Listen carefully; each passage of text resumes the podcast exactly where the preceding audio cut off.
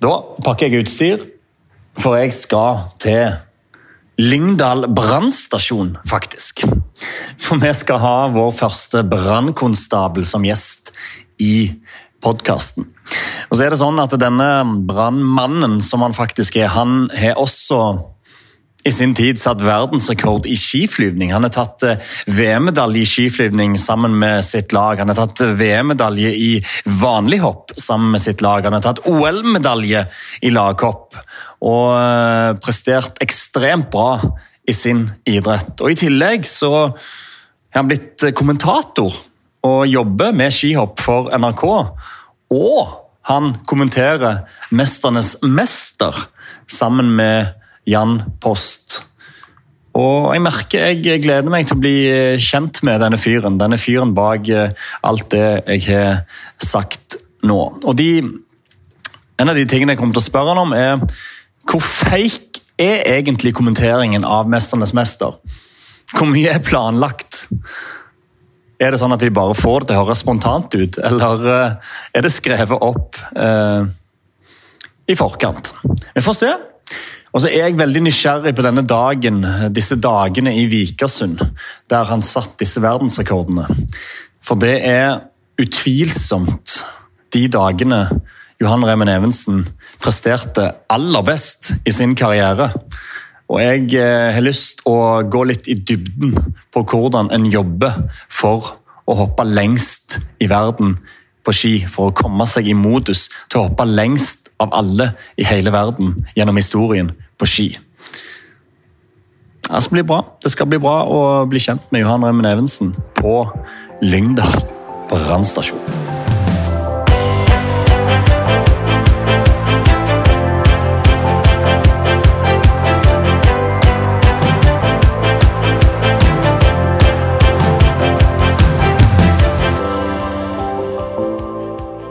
Navn? Johan Remen Evensen. Idrett. Skihopping. Moderklubb. Molde Omegn idrettsforening. Molde og omegn. MOI. Nettopp. Første konkurranseminne. Eh, Det første konkurranseminnet må rett og slett eh, være Granåsen Cup eh, i Trondheim, da, selvfølgelig. I, da var jeg vel 17 år. Da vant jeg mitt første hopprenn, så det er vel det minnet som eh, sitter best. Du vant Granåsen Cup. Ja, det, jeg vant det rennet, eh, som var mitt første renn å vinne. Jeg har alltid vært en eh, dårligst i klassen-type, egentlig. Altså, vi var jo ikke mange som hoppa på ski i Molde på min tid, men vi var tre-fire stykker, og jeg ble stort sett sist. Alltid, fram til jeg var 17 år. Oi! Det er interessant. Det vil jeg høre litt mer om etter hvert. Men hva er da senere karrieren den største opplevelsen da, i karrieren? Den er jo ganske enkel. Det er rett og slett eh, 11. februar 2011, Vikersund. Eh, verdens største skipakke skal åpnes, og eh, jeg var i mitt livsform. Det var dagen der alt fungerte fra første hopp. Eh, verdensrekord på første hopp, 243. Og så hoppa jeg et hopp til på 246,5. Eh, så det sitter jeg med den dagen der alt bare fungerte. Tenkte ikke å tenke på teknikk eller hvordan jeg skulle gjøre ting. Det, bare fungerte på automatikk. Og det var en rå dag i hoppbakken. Oh, den dagen står som en påle. Ja, virkelig. Ja, fy søren. Hjertelig velkommen til våre vinnere, Johan Remen Evensen. Tusen hjertelig takk.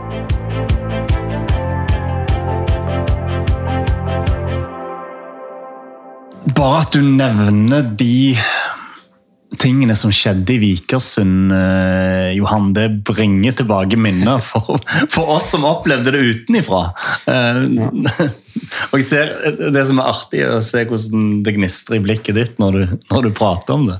Ja, Det begynner å bli noen år siden, eh, men fremdeles så sitter den dagen der som støpt. altså. Jeg kan nesten huske sekund for sekund hva jeg gjorde til hvilket tidspunkt. og hvordan ting bare altså Det var litt sånn der, en følelse av å eh, sveve rett over seg sjøl, rett bakfra, og bare observere og være med på en reise som eh, nesten bare eh, var ferdig spilt inn, på en måte.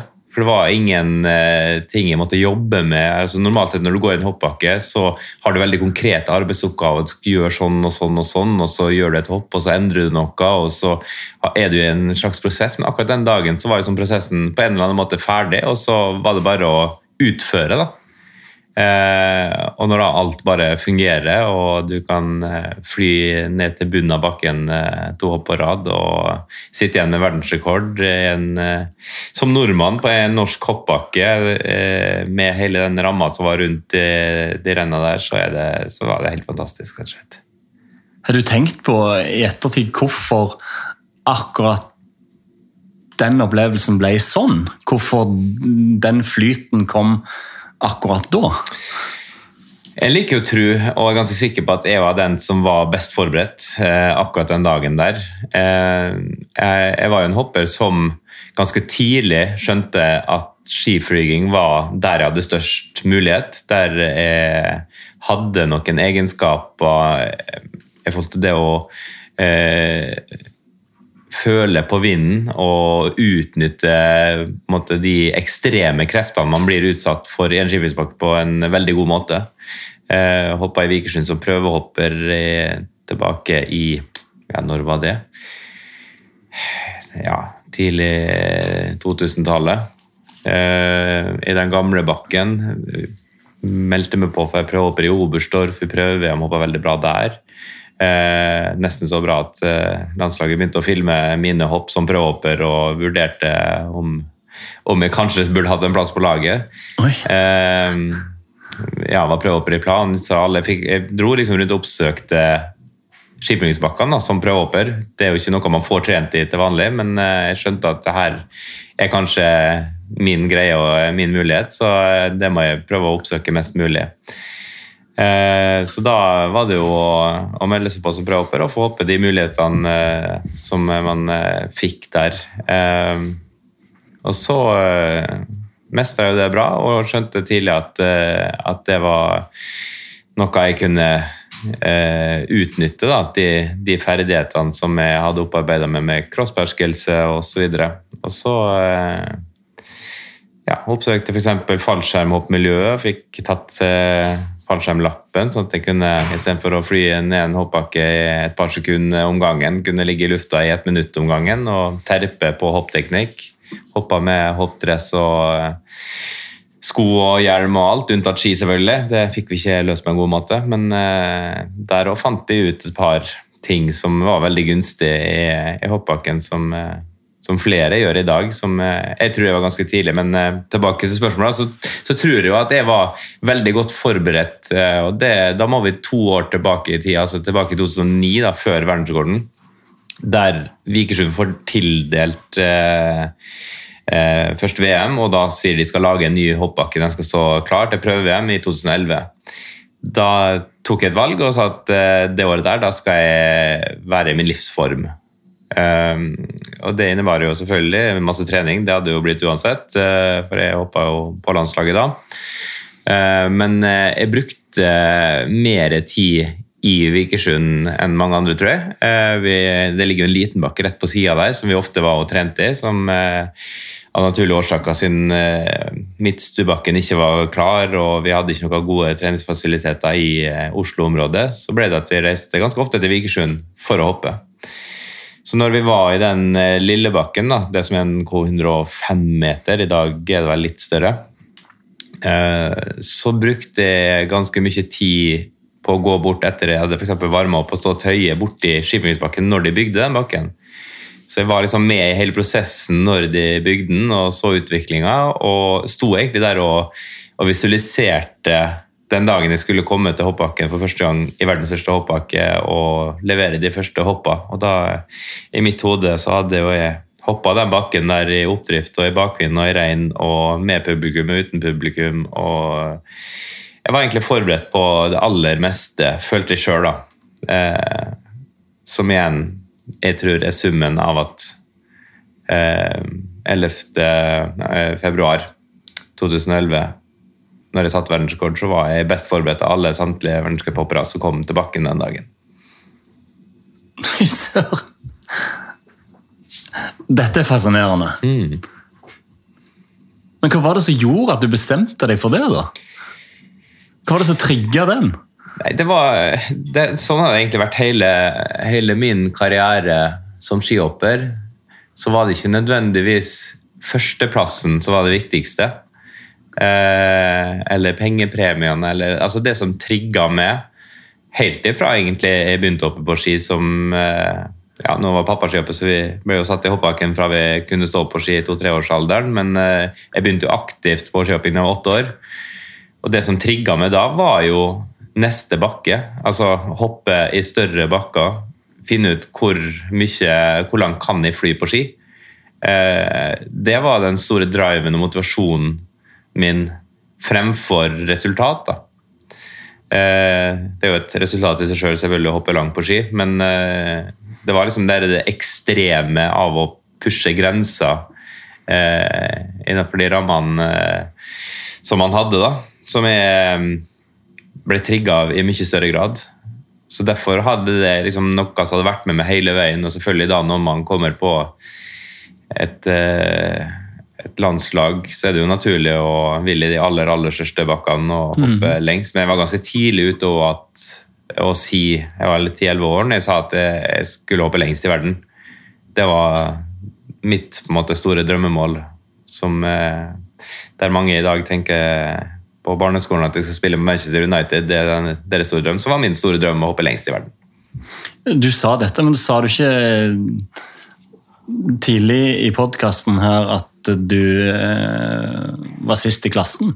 Jo. At du ikke var best? Nei, jeg var på ingen måte, ingen måte. best. Eh, jeg hadde noen fysiske forutsetninger, som jeg liker å kalle det. Altså, det er jo mye snakk om talent eh, i dag. Talent er et ord jeg ikke liker i det hele tatt. Det er misbrukt og ja, Jeg vet ikke om vi skal bruke lang tid på det her i dag, men hadde jeg blitt satt i en bås der jeg fikk vurdert om jeg hadde talent eller ikke, om jeg skulle bli satsa på eller ikke, så hadde jo ikke jeg blitt skihopper. Så enkelt som det. Eh, jeg hoppa ikke langt eh, fra forhold til min, mitt alderstrinn, eh, og det kom primært tror jeg, av fysisk forutsetning, at jeg var liten i vekst fram til jeg ble ja, 15-16 år. Da skøyt jeg været og, og, ble på kort tid like høy som jeg er i dag. Så fram til da så hadde jeg ikke de fysiske forutsetningene som krevdes innenfor min, min, mitt årskull da, til å kunne hevde med noe særlig. Så der var det to-tre andre som jeg hoppa med jevnlig. var mine gode kompiser i moderklubben. og Vi konkurrerte jo selvfølgelig i alle slags renn, i kretsmesterskap og alt mulig. og Jeg var ikke i nærheten av å slå dem nok en gang. Eh, I tidlig alder, altså 8 til 15-16 år. da. Eh, men eh, jeg fikk lov til å utfolde meg og være Johan i det miljøet likevel. Jeg ble ikke satt i en bås eh, at det var liksom dårligst og ikke satsa på. altså Treneren så meg like mye og trente meg like mye som alle de andre, da. Som var mye bedre enn meg. Og det gjorde at man var et miljø der alle hadde det gøy. Og vi fikk med alle lenge. Som igjen gjorde at når min fysiske kropp, da, altså høyden var på plass og muskulaturen var på plass, så kommer resultatene også av eh, lang eh, Altså mange år med trening og terping allikevel, da. Så eh, jeg var sist i klassen, men eh, tok det igjen til slutt. Det ligger selvfølgelig mye i det du forteller nå, men eh, ta gjerne to setninger om hvorfor du mener ordet talent er misbrukt i så stor grad. Nei, altså, jeg, jeg mener jo at eh, det jeg var inne på, at eh, hvis man skulle satt unger helt ned i tiårsalderen, som man ser i altfor mange idretter i dag, uh, inn i en bås om man det er talent eller ikke, og gi dem ei satsingsgruppe de som er talent, mens de som ikke er talent, de får bare være med så lenge de orker. Da tror jeg man bommer virkelig. For talent Eh, altså jeg vil egentlig anerkjenne kun ett talent. Eh, og det er den viljen til å gidde å gå på trening hver dag. Eh, alle andre talent tror jeg Det er ikke noe dyp forskning bak det her, da, men eh, jeg, tror jo at de talentene de bygger du opp da, på en eller annen måte. Enten via altså Ta Martin Ødegaard. Alle kan si at han har et vanvittig talent, eh, men det tror jo jeg kommer av primært at eh, han hadde en far som elska fotball, eh, som ga han en fotball i en veldig tidlig alder. Og så hadde han en eh, mentalitet der han eh, tålte mye trening. Han, eh, eller, han ville jo ikke kalle det trening sjøl, men han var jo på Løkka med kompisene sine hver bidige dag. Fra han kunne gå til eh, langt opp i 14-15-årsalderen, der han plutselig var proff på Real Madrid. Eh, og så kan du jo bruke mye tid og si at det er talent, men jeg tror jo det handler om veien han har gått da, for å komme dit. Eh, og altfor ofte så ser man jo i barneidretten i dag at eh, talentene blir løfta opp og fram og får veldig mye gratis med at de får tilleggstrening og foreldre står på huet for at de skal ha det best mulig og enklest mulig og bli matcha riktig og flytta opp i klasser for å få bedre matching osv. osv. Og da forsvinner jo på en måte hjørnesteinen, tror jeg, da, i det aller viktigste idretten, som er gleden. Um, og den, for å bevare gleden så tror jeg du, du, må ha flest mulig lengst mulig. Du må ha kompisgjengen som, uh, som har det kult på trening hver dag. da eh, som leker og koser seg og har det gøy. Eh, det har jeg mye større trua på å få resultat. Så er det selvfølgelig unntak her som bekrefter regelen, men eh, det er litt skremmende å se utviklinga der man har altfor gærne foreldre som eh, sier at min unge har et talent, så her skal vi virkelig gnu på, og så kommer man i 16-17-årsalderen, og så er det, er det, tomt, det er utbrent, og så er det ikke eh, motivasjonen til å gidde å gå på trening lenger til stede. Jeg vet ikke om det ga mening, men Jo, det ga veldig mening. Det ga veldig mening. Eh, jeg hadde Kjetil André Aamodt som gjest tidligere. Han var inne på mye av det samme. Mm. Eh, der han snakket om hvordan 70% av hans aktivitet var mm. lystbetont. Ja. Og, eh, og, han tenkte på det som kanskje den viktigste delen av treningen for at han ble god. Ja. Så var det bare en liten del som var eh, organisert, og mm. der Finn Aamodt sto og hoia. Men det var all den leken mm. rundt som gjorde han til verdens beste alpinist. Og det er jo veldig mye det, det du toucher inn på nå. Ja, det er interessant. Så det er mye du har sagt nå i starten som jeg har lyst til å komme tilbake til. Det er mange ting som trigger meg, men jeg vil gripe litt fatt, eh, fatt i nå-situasjonen. Mm. For uh, nå sitter vi ikke i Vikersund. Nei. nå det er nesten vi... så langt ifra Vikersund ja, vi kan få. Ja, Vi sitter på en uh, brannstasjon mm. i Lyngdal. Ja. Du må bare fortelle. Hvordan uh, havna du her? Ja, eh, Lyngdal havna jo her pga. Eh, min kone, eh, som var herfra. Jeg holdt henne i Oslo eh, som aktiv utover et par år ekstra enn hun egentlig hadde hatt behov for å være der. Mm -hmm. Så den dagen jeg var ferdig med skihopping, så, så var det vel egentlig hit eller ingen sted. Mm -hmm. eh, så da ble det hit. Og så eh, har jeg egentlig alltid hatt en drøm om å bli brannmann. Et yrke som har trigga meg lenge. Jeg begynte faktisk eh, på en utdannelse samme år som jeg slo gjennom internasjonalt i skihopping.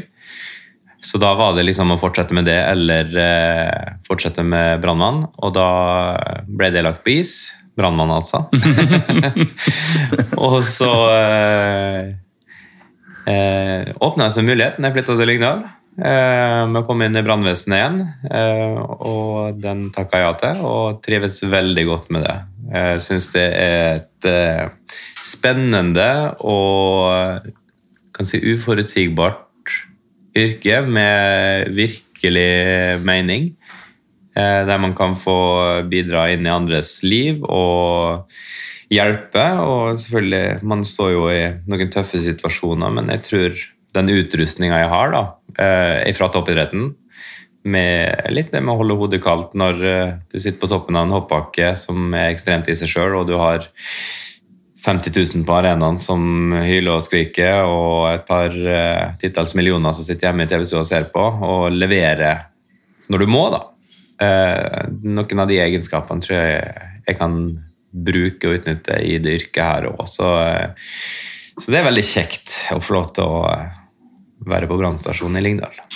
Men er det litt sånn ut ifra den Johan jeg har prata med nå de første minuttene her, er det litt typisk at du faktisk følger den tanken, drømmen om å bli brannmann, og faktisk gjør det, og sitter her og fullfører den, den tankerekka om å, å, ta det skrittet? Ja, jeg tror du er inne på noe ganske si konkret i forhold til hvordan jeg er som person. Ja. At uh, jeg er nok ganske sta av meg. Uh, og når jeg bestemte meg for noe, så, så, går jeg for det. Helt til jeg egentlig får det til.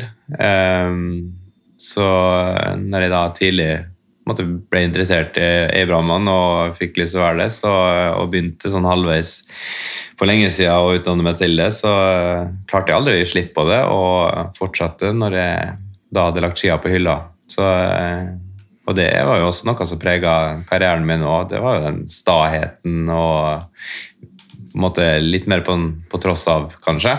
Selv om jeg ikke var god og ikke vant et eneste hopprenn fram til jeg var 17 år, så jeg tror det er ganske mange som ville gitt seg. da, mm. Og ikke syntes at det var særlig gøy å bli fire av fire i, i MOI sin klubbmesterskap eh, gang etter gang, mange år på rad. Eh, mamma uttalte vel eh, var ganske direkte til meg sånn, ja, 14-15 års alder. Hvorfor, hvorfor, holder du på med det her, Johan? Altså, er du ikke lei av å bli sist? Det er mitt litt sånn eh, kanskje cocky eller eh, håndmodige svar var slapp av, det blir min tur en dag òg, mamma. Bare holde på lenge nok, så, så kommer det min, min, dag en dag òg. Så det, det, det, du har nok rett i det at, eh, at det er ikke tilfeldig kanskje at vi sitter her i dag, nei.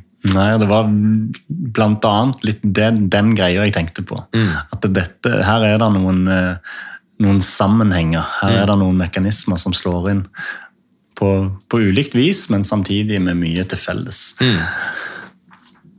Mange kjenner deg fra um, en kommentering på NRK. Um, og som uh, kommentator på 'Mesternes mester'. Hvordan kombinerer du det med, med brannslukking i, i, sør?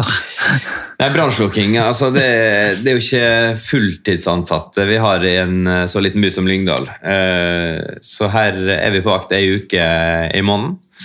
Da eh, går vi med piper og eh, må være fire minutter unna stasjonen. og Resten av uka da disponerer du egentlig sjøl, og så kan man jo bytte litt internt. Så da får man kabalen til å gå opp med litt reising og eh, være i Oslo eller ute i verden og kommentere skihopping. Så, så, det har fungert egentlig veldig, veldig greit så langt. og et jeg pleide å si det er, en, det er en god nummer to å være kommentator.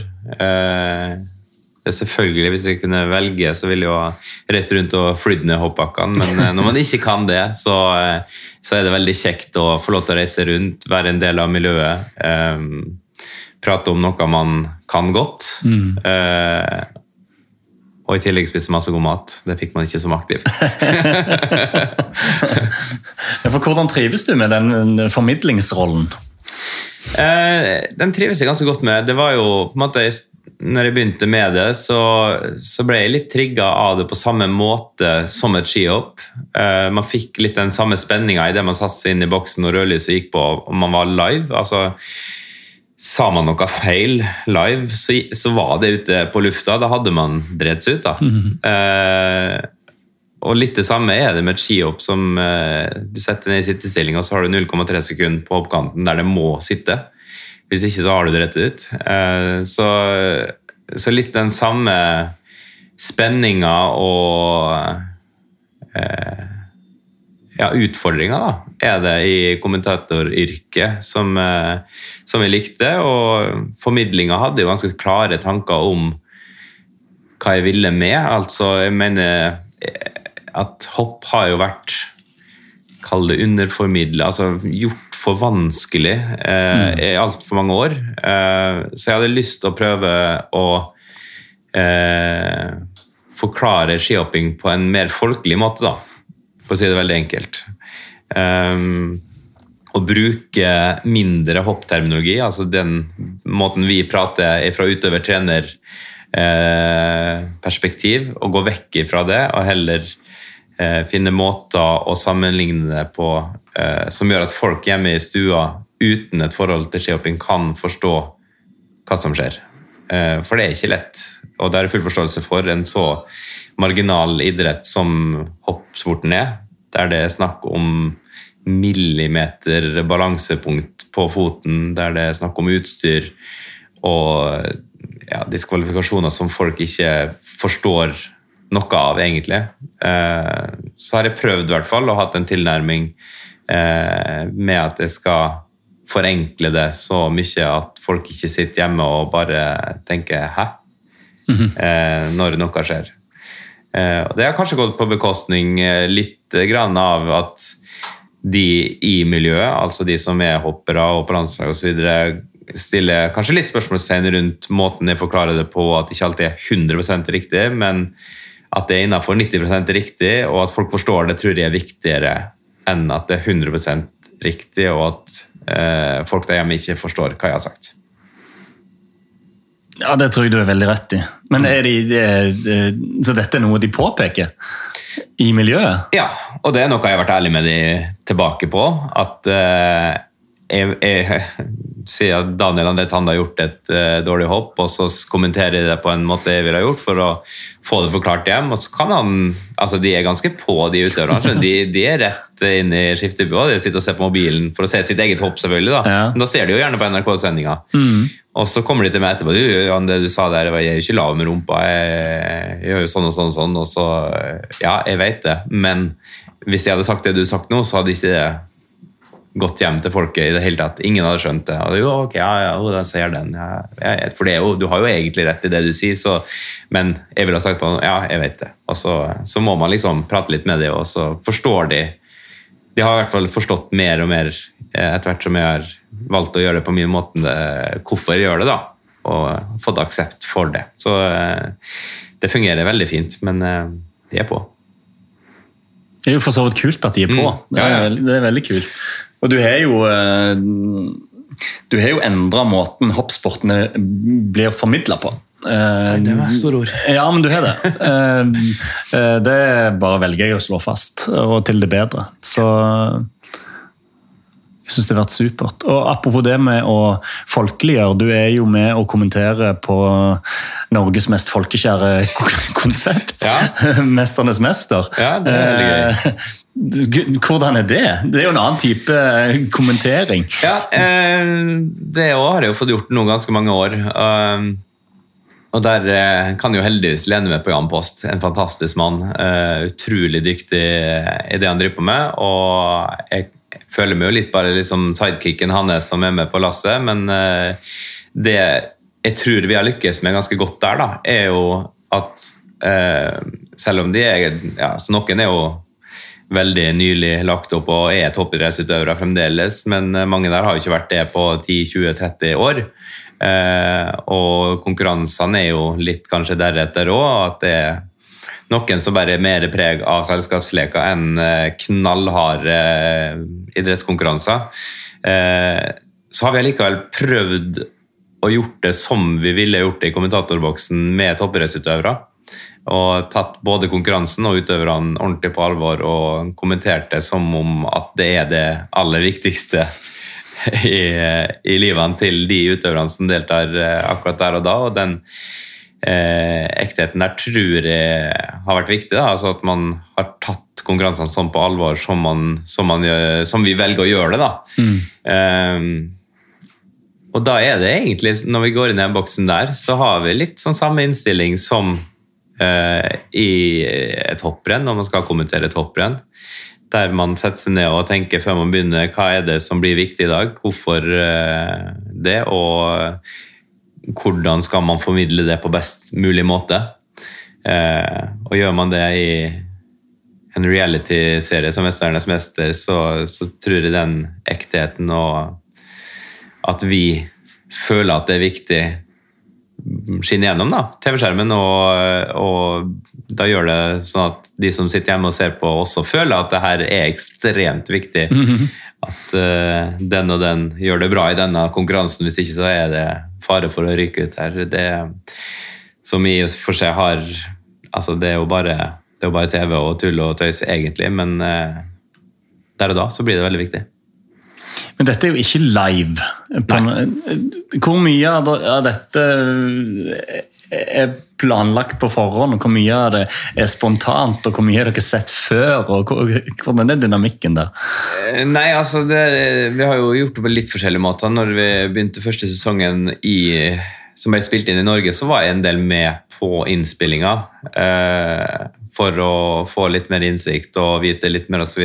Men eh, normalt sett eh, så kommer vi inn der og vet ingenting annet enn dette er konkurransen, eh, dette er reglene, eh, dette er deltakerne, vær så god.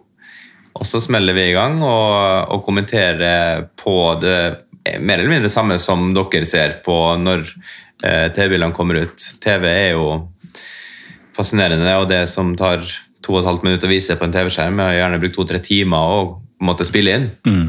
Så det hadde ikke fungert for oss å sitte live og kommentere det i to og en halv time, og så skulle vi prøvd å klippe det sammen til et eller annet kompakt to og et halvt minutt som skal vises på TV. Så, så vi kommer inn i ettertid og, og kommenterer på den måten, og så får man det spontane og samme reaksjonene og wow-opplevelsene ut fra den kommenteringa. Så gjør vi det enda en gang, og da er man jo litt mer forberedt på hva som kommer. Og så gjør man en siste gang der man blir enige om at det er viktig å få inn her, det må vi gjøre sånn, den må vi endre til, og, og så videre. Mm. Og så, så, blir det rett og slett klippa mellom de tre eh, variantene der, da. Kult. Det funker i alle fall. Ja. Men jeg vil tilbake til han gutten jeg nå. Gutten i Molde. Mm. Han Stae, som eh, ikke var best, Nei. men sto i det. Jeg lurer litt på hvor hvor den staheten og den mentaliteten der Hvor kommer den fra? Hvordan havna den i skallen din? Det er et godt spørsmål. Uh, siden vi er inne på talent eh, tidlig her, så kanskje det er noe som er litt medfødt. Mm. Og et, det er vel kanskje der jeg er inne på det ene talentet som jeg har lyst til å anerkjenne. Uh, som den den som gidder å gå på trening hver bidrag, det er noe du enten har, eller så er du av en type som på en måte ikke har den motstandskrafta til å gidde å gjøre det. Men jeg var jo, altså helt ifra jeg var knøtta liten, så var jeg en veldig bestemt fyr. Eh, mamma og pappa fortalte meg, jeg husker ikke det sjøl, men da jeg var liten, så ville jeg veldig gjerne opp, opp trappa og til eh, de andre to storebrødrene mine når jeg var oppe.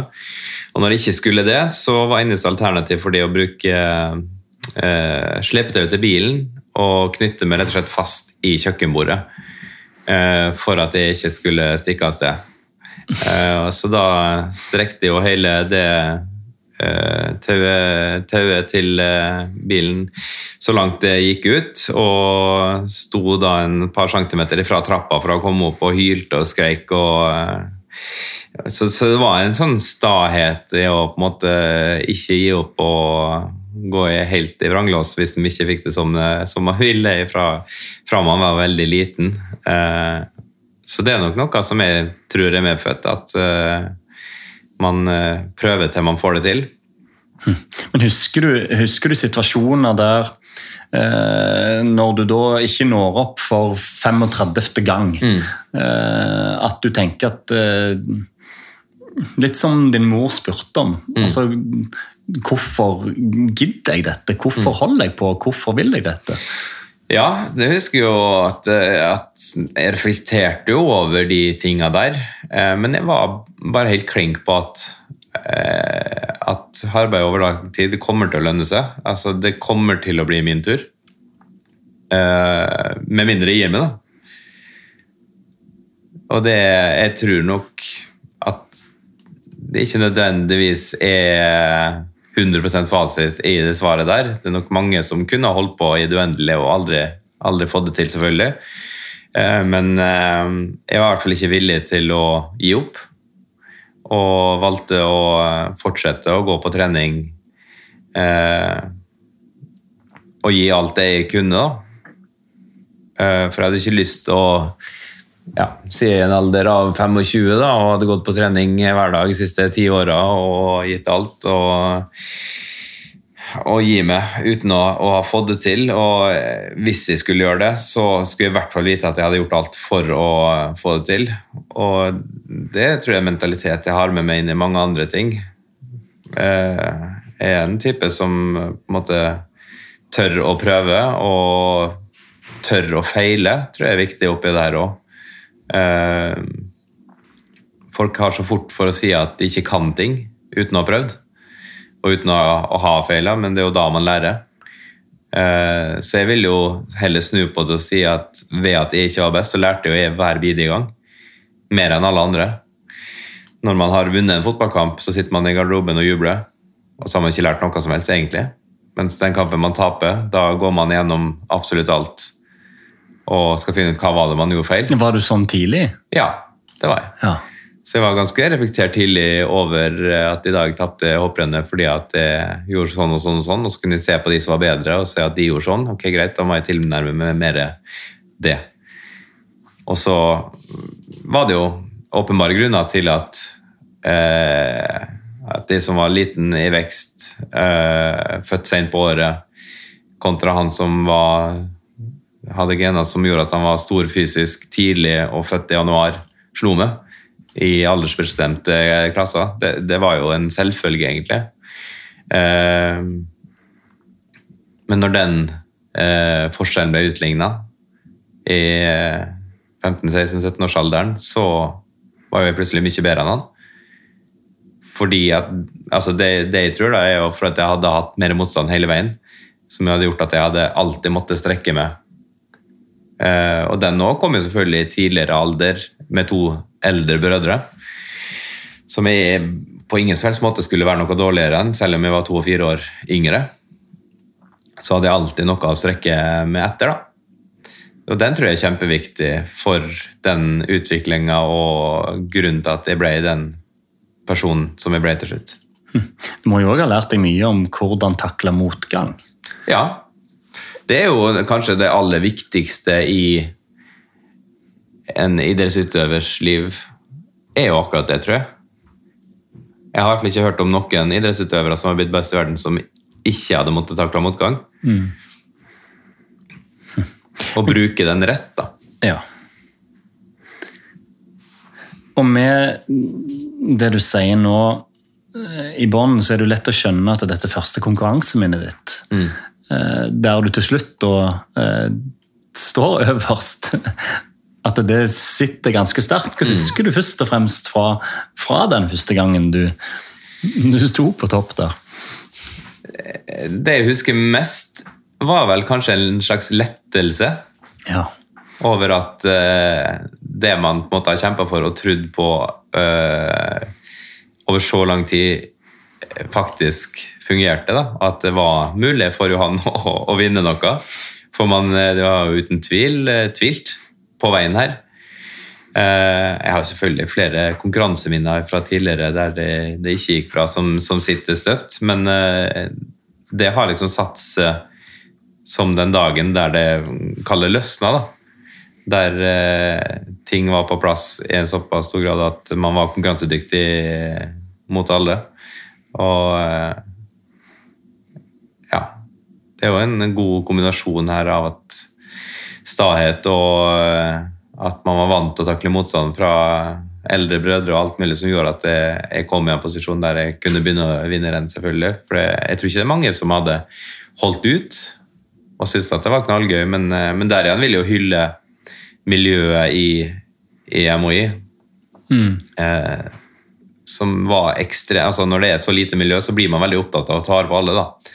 Hadde vi vært eh, si 20 hoppere i det miljøet der, så hadde nok jeg fort sklidd under radaren til trenerne og så vært borte. Men fordi at det var et såpass lite miljø, så ble alle sett og alle tatt vare på. Og eh, vi fant alle vår plass i det lille miljøet der vi fikk være eh, oss sjøl. Eh, og utvikle oss i det tempoet eh, man sjøl ville. Og det tror jeg var ekstremt viktig for den prosessen som jeg har vært gjennom. For dette er jo da sju år etter du sa du skulle hoppe lengst i verden. Mm. Så du har hatt sju år med kall det motgang eller utvikling, eller kall det hva du vil, og så ender du opp der. Altså, da jeg lurer på eh, stegene videre, da. Når er det du eh, bestemmer deg for å oppsøke prøvehoppsituasjonen eh, i skiflyvningsbakker for å eh, utvikle deg sjøl, eh, utfordre deg sjøl mm. på den måten du snakket om tidligere. Når er det du kommer der, at du ser de mulighetene? Eh, altså, da må vi gå inn på litt mer sånn eh, hoppteknisk prat. da. Eh, et skihopp eh, består jo, for å gjøre det veldig enkelt, av to ting. maksimalt vertikalt trykk, altså hoppe høyest mulig og minimalt eh, med luftmotstand. Ja.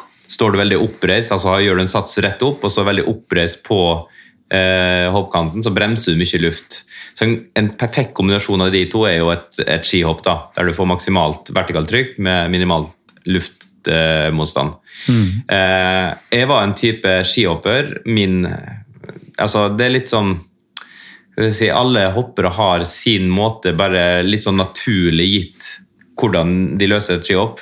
Noen er mer krafthoppere, altså hopper høyere og har mer luft, fartstap, mens andre er flinkere til det å bevare hastigheten, men har ikke så mye trøkk i hoppkanten. Jeg var mer den type eh, som gjør at man blir liksom kalt flyvere da, i større grad enn krafthoppere. Eh, så det hadde jeg alltid, egentlig, så lenge jeg hoppa på ski, vært. En som på en måte var flink til å komme seg kjapt ut i CV-posisjon og bevare hastighet, og flink med føleligheten i lufta og bevare det. Så selv om jeg ikke hadde hoppa skiflyging ennå på den tida der, så, så, var jeg bedre i en 120-metersbakke enn en 90-metersbakke. Det så jo også trenerne mine. og eh, ja, var jo flink til å ha fokus på det jeg var god på, selvfølgelig, og jobba jo med det jeg var dårlig på, men eh, de så jo at her var det en som Du ser ganske kjapt at her er det en som Hvis han gjør akkurat det her i en skiffingsbakke, så kommer det til å funke.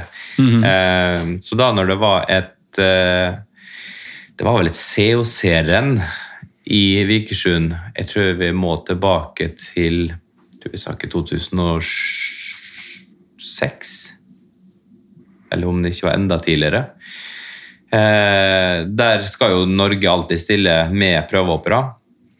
Og i et hoppmiljø som ikke er altfor stort på landsbasis, der på måte du har de aller beste rundt å hoppe World Cup, og så er det jo COC som er B-verdenscupen, så har du liksom de ti neste som får hoppe der, så er det liksom ikke så mange å ta av. Så da er det jo alle klubbene som må i Norge, fra Lillehammer, Oslo, Trondheim, Vikersund, som må stille med prøvehopperne til det rennet her. Eh, og da, På den tida så var jeg trønderopp, og eh, spørsmålet kom om vi, vi hadde noen prøvehoppere å sende. Da eh, hadde jeg gått et par år på, på Heimdal videregående skole og var godt etablert i trønderhopp. og Spørsmålet ble gitt, og så sa jeg jeg vil gjerne ned og prøve. Jeg føler meg trygg på at jeg kan hoppe, hoppe ned den bakken der uten store problemer. Eh, og for ned og hoppa over 200 meter på første hoppet i gamle Vikersund. da. Oi. Så, eh, og da, da var det liksom bare en bekreftelse på at, eh, at det å fly ned de største hoppbakkene er noe jeg, jeg mestrer og eh, må utvikle mer for å bli enda bedre i. Så det, da var det bare å egentlig oppsøke de neste mulighetene for å, å få hoppe i skiflying. Og du har vel en ja, si tre helger i løpet av et år da, der det er mulighet for å hoppe, hoppe i de aller største bakkene i verden. Det er vel fem skiflygingsbakker som er Ja, det er vel kanskje bare fire. Nå Harakov er jo ikke i bruk lenger. De må pusse den opp ganske, ganske mye hvis de skal hoppes der igjen. Så, så da har du jo Oberstdorf, Kolm, Vikersund, Planica som er, som er skiflygingsbakkene. Så var det et renn i noen av de bakkene, så prøvde jeg å melde meg på som prøvehopper eh, for de aller beste i verden den perioden der. Og da må man betale flybillett og og opphold sjøl. Man får riktignok litt sånn dagpenger fra FIS for å være prøvehopper, men ikke noe man blir eh, Man tjener ikke gode penger på å reise rundt som prøvehopper. Eh, det gjør man ikke. Så, eh, så der handler det om å investere i god trening, rett og slett. Og så er det jo en drittjobb. Når det, når det, blåser for mye og de beste i verden ikke kan hoppe, da skal du utfor som har sittet på toppen gjerne i en time og seg ræva av det. Så det er en ekstremt utakknemlig jobb, egentlig, men det var eneste muligheten for å få lov til å hoppe i skiføring. For det Skiføring er jo eh, har jo FIS satt veldig strenge krav til når det skal hoppes. Eh, da må det være ambulansehelikopter til stede, det må være FIS-representant til stede osv. som gjør det umulig å åpne en sånn bakke for trening utenom. Så da eh, var eneste alternativet å oppsøke når det var konkurranse der, og være pro-hopper. Det gjorde jeg. Men Det som er fascinerende, da, og det henviser litt til med den reisen mot å bli verdens beste skiflyver, det er mm. disse tankene du hadde om at du skulle hoppe lengst i verden. Mm. Eh, og så ser du noen muligheter, og så griper du de med, med begge hendene og, og, og kjører på. Mm. Eh, og det syns jeg er ekstremt fascinerende. og jeg har lyst til å eh, altså den, den, dagen som du beskrev i Vikersund du beskrev det så fint, men for oss utenifra, eller utenfor, som ikke, oss dødelige som ikke opplever sånne ting, og opplever sånne følelser, eh, kan du sette det i et perspektiv som det gjør, så gjør det forståelig for oss liksom, hvordan den flytsonen er, og hvordan den følelsen av som du sa, å nesten å se ting utenifra mm. eh, som en film. Ja. Nei, det, det, er jo kanskje den beste beskrivelsen. Da, at man bare går bak seg sjøl og så eh, observerer at det man gjør, er bare helt riktig hele veien. Eh, og eh, den dagen eh, Da på en måte kommer jeg til bakken, og normalt så er man veldig sånn spent og går og tenker og fokuserer på det man skal gjøre osv. Men, men den dagen så, så koste jeg meg bare. Og det er så, så fascinerende. for jeg følte ikke det var noe i verden som kunne sette meg ut av spill. Jeg hadde vært gjennom så mange forskjellige scenarioer, og når jeg kom kjørende altså De som har vært i Vikersund, vet jo at man kommer inn helt i bånn og svinger liksom til høyre, og så sier det bare bang, så er hele hoppbakken den største i verden. Den er altså så stor i forhold til hva vi er vant til, da, selv vi som driver på med det her. Eh, Holmenkollen er jo stor, men den bakken her er dobbelt så stor. altså. Eh, så, så, det er så voldsomt, det der eh, synet som møter når man kjører opp der.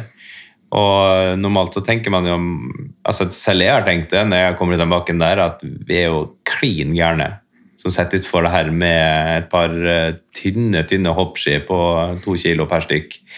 Og en stropp bak som holder holder egentlig hele kroppen fast i de skia, og ryker den, så, så, så, tryner du så stygt som det går an, egentlig. Eh, så det er små marginer. Det er ordentlig ekstremsport. Og det er så lett å måte, rote vekk i de tankene der, da. Og være nervøs og redd. Men akkurat den, den dagen her så kom vi til bakken og det er kanskje rart å si det, men jeg, altså jeg følte meg liksom verdensmester. At, det, at, jeg hadde gjennomført konkurransen og det, det, hadde gått bra. Sånn følelse hadde jeg egentlig før jeg skulle opp og hoppe. Og da kommer på toppen og går inn i skiftebua, skifter vanlig måte, tar på meg utstyret. Helt sånn spesiell god ro rundt alt, egentlig. Eh, når man er i en skiftebakke, så er stemninga egentlig helt annerledes enn den pleier å være i vanlige hoppbakker. Eh, der folk kan gå rundt og tulle og fjase og spille litt ball, og det er mye som skjer, masse prating og alt mulig. Så, så en helt annen sånn sitrende stemning i en skiflingsbakke, For man vet at eh, marginene er så små, og det er voldsomt det man skal ut på. Eh, så folk er mer eh, inneslutta og stille og eh, ja det, det lukter bra svettmann eh, oppi den eh, skiftebua på toppen der, altså. Det gjør det. Eh, jeg husker spesielt godt eh, han japaneren som hoppa før meg. Det første hoppet. En japaner, Jeg husker ikke navnet på han nå, men eh, han eh, han var så redd at hele stillaset sto og dirra For han sto og rista så fælt på toppen der. Og det her var jo første gang for alle eh, å hoppe i en så stor bakke. Vi hadde jo planlista der Bjørn Einar Romer hadde verdensrekord på 2,39. Eh, og så kommer det bare sånn bang en bakke. Her er det mulig å hoppe 2,50. Eh, og det, det, er langt. Og den følelsen måte, hadde alle som stilte til start eh, i den bakken der den dagen. Men han japaneren, han, eh, han eh, var livredd. Og jeg sto liksom og så på han og undra liksom, hvordan det her skulle gå. Og vi er jo forskjellige som utøvere. Mange, mange liker jo ikke å se på hoppere før seg og få, få litt sånn der Oh, shit, det var, det var, bra, eller det gikk nesten galt, eller sånt. Så mange unngår det, men jeg har alltid likt å se de andre og tenkt at det er en styrke hos meg, da, at det er mentalt sterk som klarer å, å gjøre det. Så jeg fulgte nøye med med han og så at han fikk det grønne lyset, og Stiva skrekk slapp den bommen og for nedover. Og får eh, en vittig høyde. Altså, det er helt spesielt å se skiflyging fra toppen. Eh, normalt sett i en vanlig bakke så ser du liksom utover, går ut i lufta, og så begynner han å dale ganske umiddelbart. Med skiflyging så ser man de så ekstremt lenge fra toppen. Så du ser bare de stiger og stiger og stiger, og stiger, og stiger, og så begynner de å dale sakte, sakte, sakte nedover før de forsvinner bak mm. kulen. Eh, og bare kjenner en sånn deilig brus inni kroppen, og så kommer du over spikeranlegget 220 meter. Så tenkte jeg inni meg at hvis han, som var så redd, klarer å hoppe så langt, da, da skal det her eh, gå rimelig greit for min del òg. Så det ga meg, altså Hans redsel ga meg en sånn deilig indre ro. da, Om at her, var, her, er det muligheter til å hoppe ganske langt på ski. Så da var det egentlig bare å sette utfor. Og det første hoppet eh, husker egentlig veldig lite av. Og det har en eh, naturlig årsak, tror jeg. Um, men i hvert fall det hoppet hopper jeg, uh, gjør et par ganske grove feil, egentlig. Uh, som jeg har sett på video i ettertid. Sitter med rumpa litt for lavt ut mot tilløpet. Altså, jeg blir komprimert da, for mye ned og må løfte overkroppen litt for mye ut i lufta, som gjør at jeg fanger mer luft uh, enn eh, det optimale. Eh, og så er det litt oppdrift i bakken som gjør at det blir et veldig langt hopp allikevel. 243 meter, ny verdensrekord. Uh, og Det skjønner man jo ikke før man er gått ned i lufta. Uh, vanlige bakker har man hoppa mange ganger og skjønner egentlig umiddelbart idet man kommer utover kuren her blir bra eller dårlig hopp. Ja. Uh, I Vikersund så var det jo ingen som hoppa en så stor bakke før, så jeg kommer ut i lufta der og bare jeg har jo kjent at jeg har gjort noe feil, men ligger jo på nedover, og så ser du jo bare streker etter streker forsvinne under seg. Og ja, 20-30 meter før landing så ser du den nederste streken og vet jo at den er 2,40 og at jeg kommer til å gå over den. og Først da jeg innser at dette blir jo faktisk verdensrekord. Eh, og da er det jo helt sånn der eh, syk følelse med adrenalin og eh, brus i kroppen som gjør at man svever rett og slett ned på sletta der. Og jeg er jo nok ikke meg sjøl helt, husker ikke så mye av det, men eh, Klas Brede Bråten sto jo nede på sletta der og tok meg imot. Og han har gitt umiddelbar beskjed opp til, til Mika Koivukoski på Trønderbuen at Johan er har gjort det veldig bra, men nå er han så høy på livet her at eh, ta en prat med han og se om uh, han bør kanskje stå over neste omgang. Uh, og det var nok helt korrekt. så jeg får rett og slett beskjed av Mika Kongoske at du står over neste omgang, så du får roa deg litt ned. og så glemmer du det hoppet her, og så går du opp og gjør alt helt likt, men du endrer på to ting teknisk. Det var beskjeden jeg fikk fra Mika. Og der tror jeg rett og slett jeg har vært så flink med å glemme det håpet at uh, jeg har klart å nesten slette det fra, fra hjernen min. Uh, sprang med en tur ut i skogen og hørte på noe musikk og prøvde liksom å bare glemme alt og komme til bakken på nytt. Sånn som jeg har gjort så mange ganger før i hodet mitt. Og Gjorde akkurat det samme en gang til. Um, japaneren som hoppa før meg, han var like redd fremdeles. Eh, på hopp nummer to, to, eller hans tredje hopp blir det, da. Mitt andre.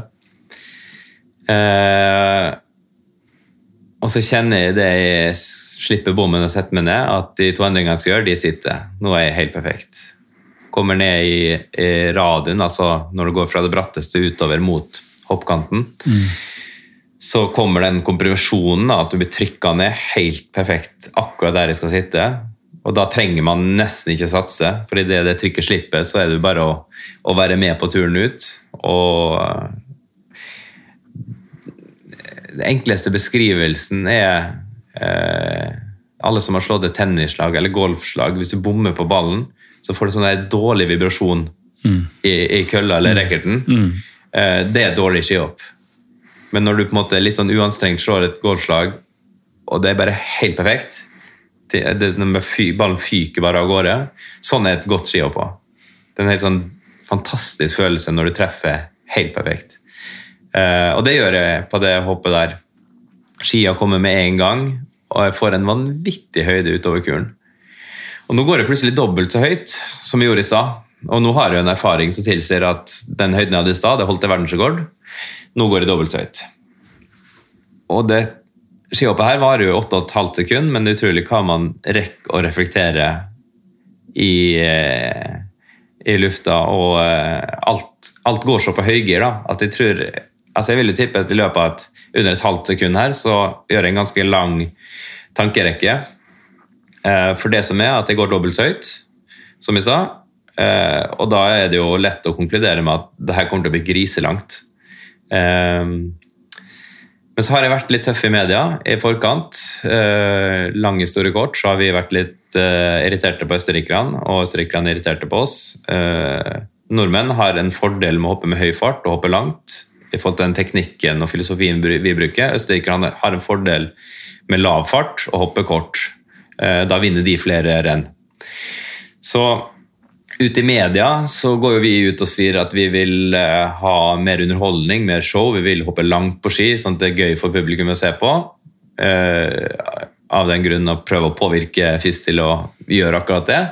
Eh, mens østerrikerne gjør det stikk motsatte. Og Da hadde jeg vært ute i media og sagt at jeg vil heller hoppe 270 meter knekke begge beina og lage show til publikum enn å ha et renn i Vikersund i verdens største hoppbakke der lengste hoppet blir 200-220 meter det mener jeg ikke har vært det. Og det, en ting var jo på en måte eh, diskusjonen eh, opp mot østerrikerne og favorisering nordmenn osv., men eh, det er jo noe jeg står for uansett. Så underveis i verdensrekordhoppet så konkluderer jeg med at her må jeg ta et valg. Her må jeg enten feige ut og drite meg ut og ikke stå for det jeg har sagt. Eller så må jeg faktisk Dette tenker du i ja, lufta? Ja, i lufta. Utover kulen der, når det bare skyter fart og får en vanvittig høyde. Så tenker jeg at her må jeg faktisk stå for det jeg har sagt. Hoppe 270 meter og knekke begge beina.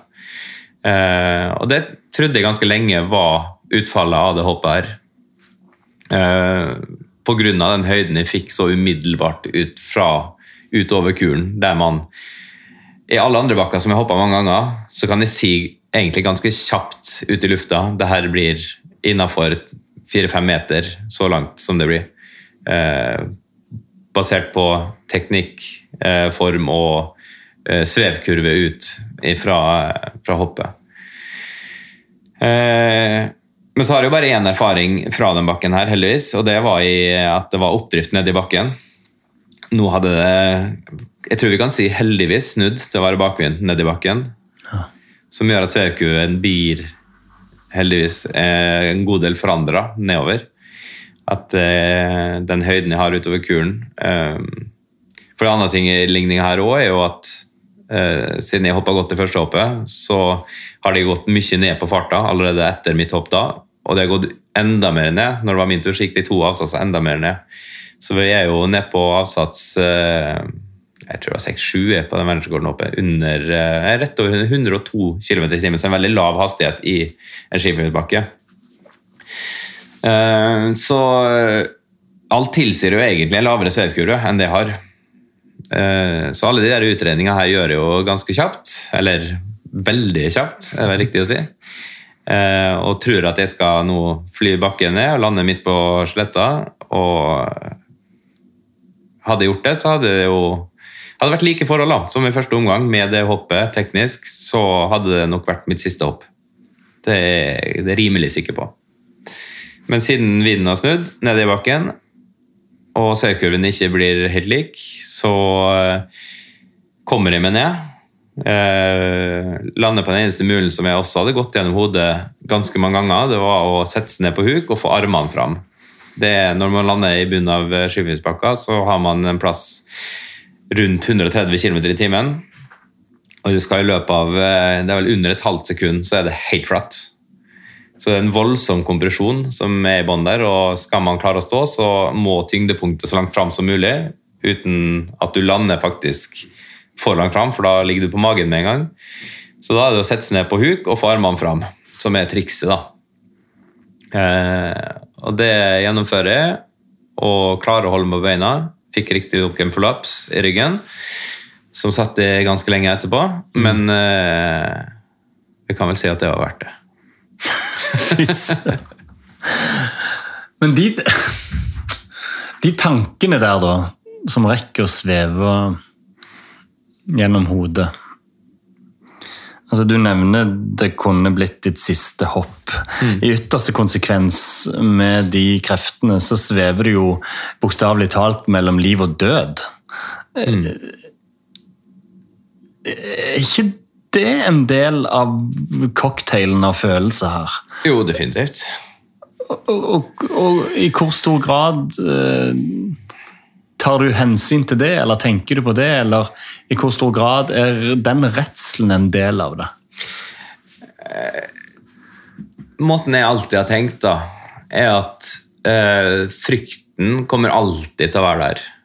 De hopperne som står på toppen og sier at de ikke er redd, eh, de er enten veldig dumme, eller så går de på et eller annet middel som ikke er lovlig. Eh, Så jeg har trua på at eh, frykt er noe som er der, og noe du må lære deg å beherske og ha kontroll over. Eh, Så min på en måte mentale tankegang i det var at jeg tok det jeg var redd for, og frykten, og plasserte den i en boks. Altså sånn visuelt så kunne jeg lukke øynene og se for meg en boks, og så putta jeg alt det inni den. Og så plasserte jeg den på sida. Og så kunne jeg fokusere på arbeidsoppgavene mine rett fram. Eh, For det var det eneste jeg kunne gjøre noe med. Hvis jeg hadde hatt den boksen med frukten min rett foran meg, og var den som var fokuset mitt, eh, så sier man jo egentlig litt sånn i hoppmiljøet at det er da det går galt, når det er det som er fokuset. Hvis du er redd for å gå rundt, så går du rundt. Men hvis du gjør det du skal, så går du ikke rundt. Så hvis du klarer å fokusere på det som er arbeidsoppgavene dine, det som du skal gjøre i et skihopp, så går det bra. Men eh, det millisekundet du ikke gjør det, og begynner å tvile og nøle, eh, er da det skjærer seg.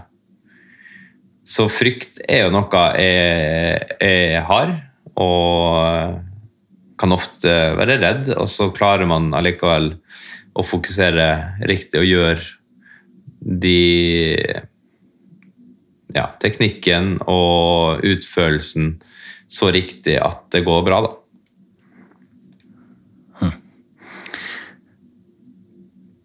Men på det tidspunktet da, så har du da oppnådd det du sa som 10-11-åring. Du har satt verdensrekord, du har hoppet lengst i verden. Eh, hvordan Og du har hatt den, det du beskriver som den ultimate dag på en idrettsbane, der alt bare stemmer, både før, under og etter. Eh, hvordan er da jobben og motivasjonen fra den dagen, når den følelsen er oppnådd og resultatet er oppnådd, du har fått til det du har drømt om hele livet? Ja, det er kjempeinteressant. Og den første perioden så svever man jo på en sky, og alt er bra. Vi dro jo rett til VM på hjemmebanen i Oslo, og jeg hoppa egentlig ganske godt på ski der òg. men hvis vi spoler ett år fram, da, eller ett år videre så Vikersund det året jeg satte verdensrekord, var et prøve-VM. Året etterpå så er det VM. Og uka før det så legger jeg opp. Eh, og der og da så så jeg det ikke. Eh, og det tok mange år før jeg egentlig så det. Men det jeg er helt sikker på har skjedd, er at eh, som du sier, så klarte jeg mitt store mål. Og eh, min store eh, gulrot og motivasjonsfaktor fra hoppe, til, altså det å få til å hoppe lengst i verden, hadde jeg klart. Og det tror jeg helt sikkert gjorde at jeg ikke var 100% skjerpa på hver videre trening. Jeg tok nok sikkert av et par prosent eh, hver dag. Og hvis man gjør det som toppidrettsutøver, eh, så blir summen av de få prosentene hver dag ganske store i løpet av et år.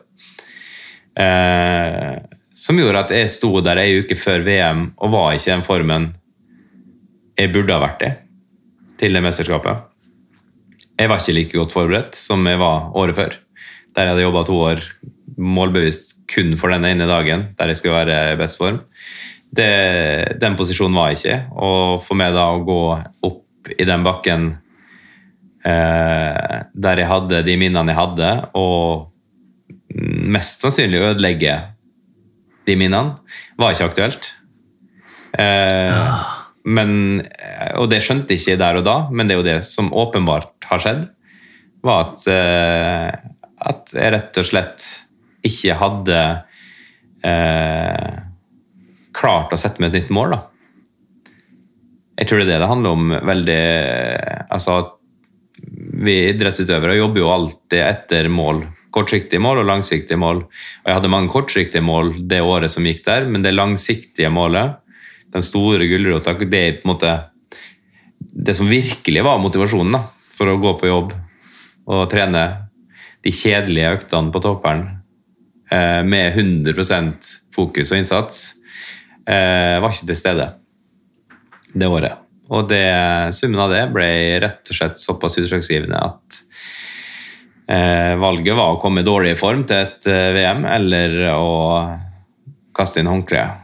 Og så hadde jo selvfølgelig mine utfordringer med, med fysikken. At jeg hadde en, en kropp som eh, hadde mye muskelmasse, som igjen gjorde at jeg, jeg måtte være veldig fokusert på ernæring og søvn og den biten der. Og visste at jeg ikke kom til å holde på som når Naryaki Kasai til jeg var 50 år og hoppet på ski. Eh, så da var liksom summen av det å komme for dårlig forberedt til det mesterskapet eh, og en kropp som eh, stritta ganske hardt imot å være 60 kilo, den Da vil jeg heller lagre de gode minnene jeg hadde fra den bakken. Jeg har jo ikke gjort det dårlig å hoppe i den nye Vikersundbakken. og det er, det er, en ganske god følelse. og de, mm.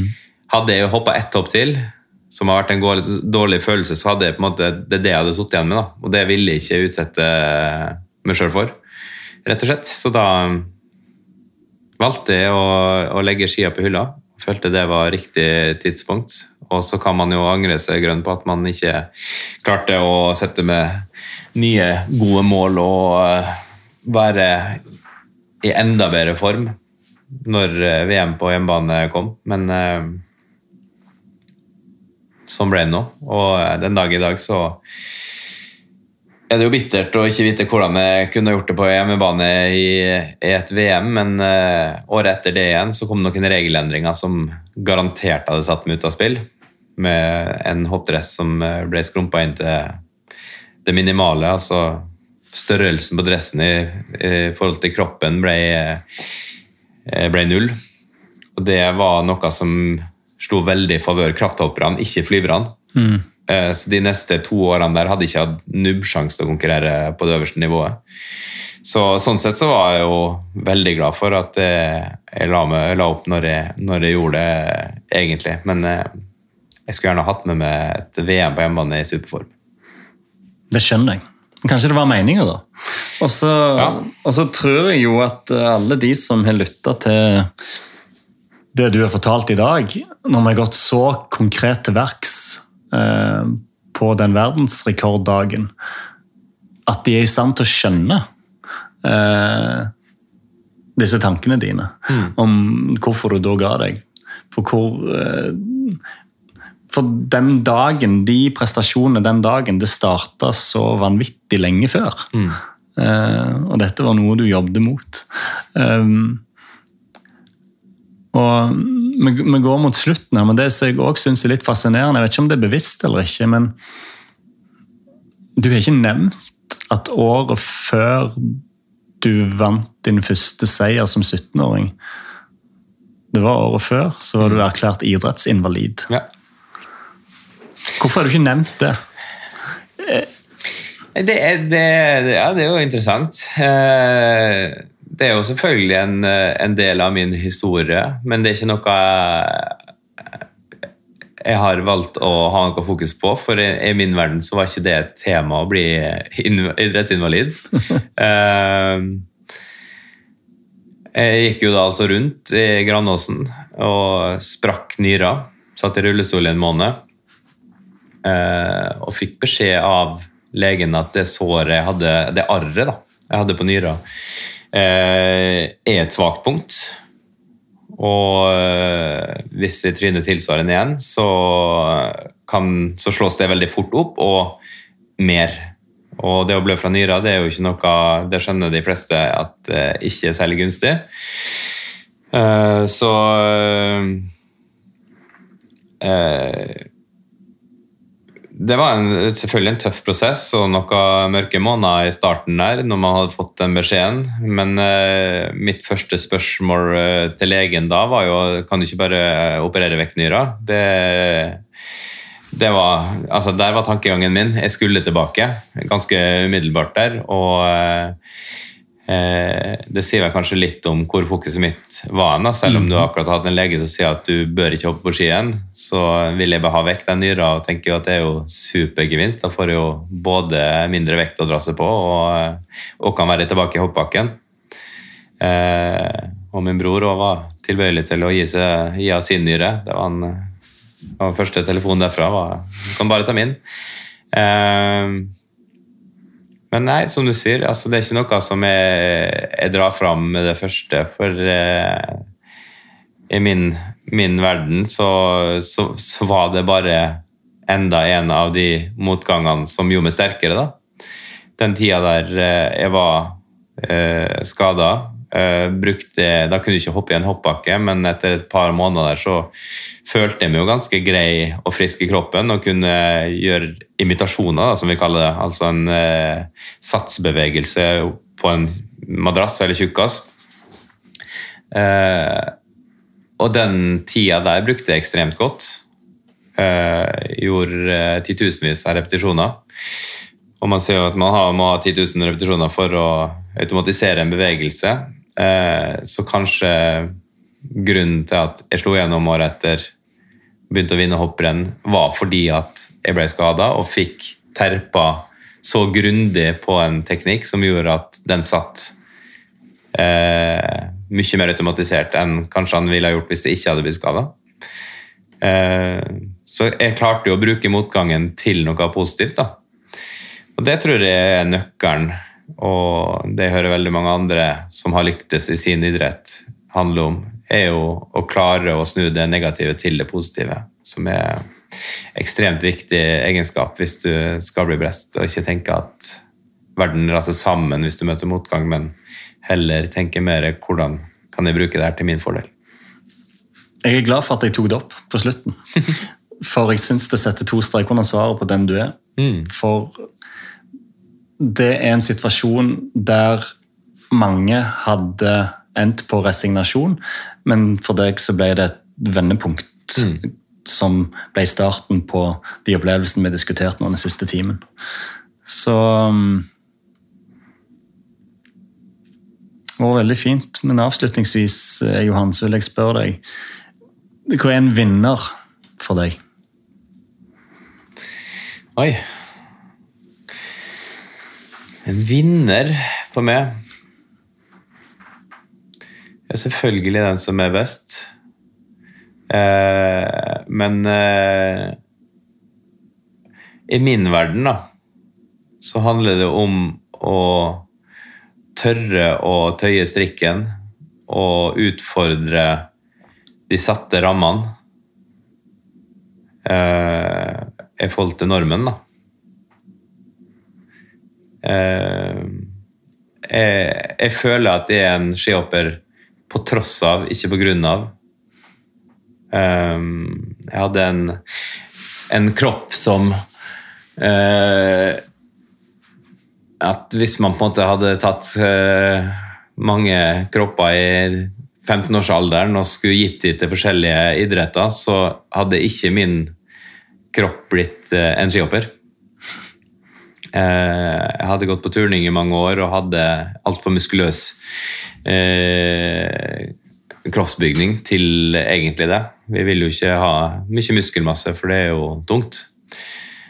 Eh, men eh, nei, en vinner for meg er en som eh, uansett forutsetning setter seg et mål og oppnår det. Det er en fin definisjon. Mm. Den likte jeg. Akkurat som jeg likte denne samtalen. Veldig fint, og brannalarmen gikk ikke. Heldigvis. Det var rolig i Lyngdal i dag, så eh, da slapp vi å bli avbrutt. Veldig bra. Tusen takk for at du var med i Våre vinnere. Johan Evensen.